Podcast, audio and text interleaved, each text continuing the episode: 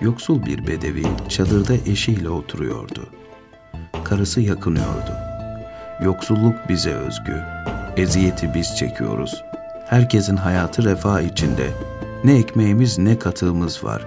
Suyumuz gözyaşından ibaret. Testimiz bile yok. Güneş olmasa çıplağız. Dolunay olmasa döşeğimiz yok. Halimiz ne olacak? Adam daha ne zamana kadar dedi. Dünya malının peşinden koşacaksın. Şurada ne kadar ömrünüz kaldı ki? Aklı başında olan fazlaya eksiğe bakmaz. Gençken sen daha kanaatkardın. Yaşlandıkça ihtirasın artıyor. Altının ardından koşuyorsun. Oysa sen altın gibiydin. Ne oldu sana böyle? Kadın dinlemiyordu onu. Bildiğini okuyordu. Senin bu boş sözlerinden bıktım artık, dedi. Halimizi görmüyor musun? Bulduğuyla yetinmekten söz ediyorsun. Ne bulduk ki kanaat edelim? Bırak bu yaldızlı sözleri. Adam, yahu dedi. Sen kadın mısın yoksa keder mi? Ben yoksulluğumla övünüyorum. Para pul, mal mülk, baştaki külah gibidir. Külahısa ancak keller takar. Zengin, gırtlağına kadar kusura gömülmüş kişiye denir. Kusurlarını parası örter. Fakirliği hor görme. Allah benden uzak kılsın. Kimsenin malında gözüm yok. Yüreğimde kanaat zenginiyim ben. Ey sızlanmaktan usanmayan kadın. Dünya malına heveslenmeyi bırak artık. Benimle kavga etmeyi bırak. Ben barış ve sessizlikten yanayım.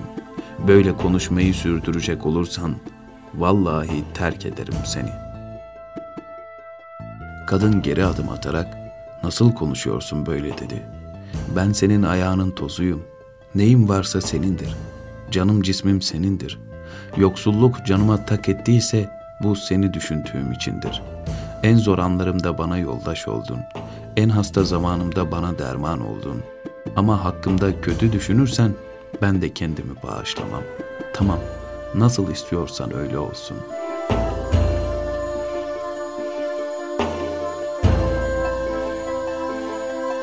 Bu kez pişmanlık sırası Bedevi'deydi.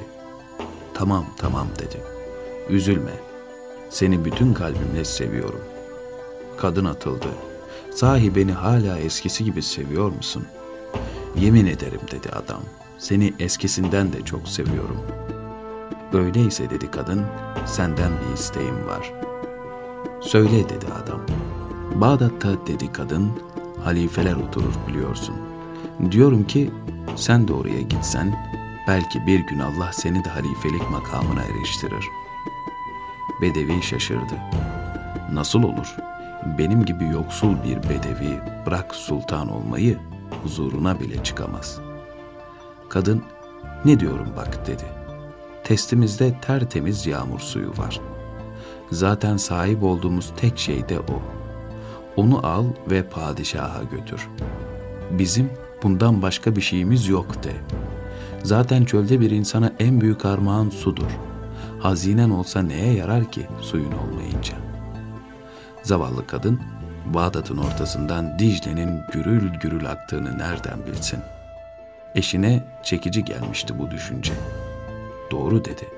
Çölde yağmur suyu altından değerlidir. Ancak padişahlara layıktır. Gün ışığınca uyandı Bedevi. Testisini bir keçeyle sardı. Ağzını sıkı sıkı kapadı. Sırtına vurarak yola düştü. Bağdat'a doğru gidiyordu. Giderken de hırsızlar kapmasın diye testisini gözü gibi koruyordu. Günlerce yol aldıktan sonra kente vardı.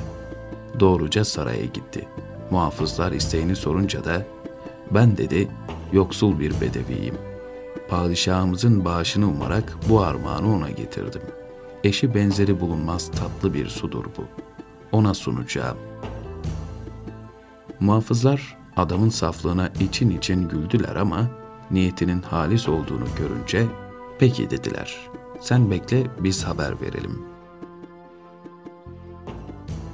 Bedevi oracıkta Dicle'nin çağıldayışından habersiz oturuyordu.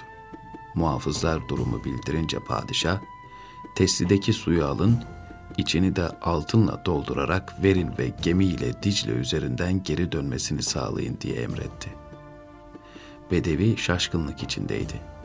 herkesin bir damla suya hasret kaldığını düşünürken, şimdi ırmağın üzerinde, suyun tam ortasında evine dönüyordu. Ve halifenin armağanını kabul edişindeki inceliğe bakarak, sana sonsuz şükürler olsun Rabbim diyordu.''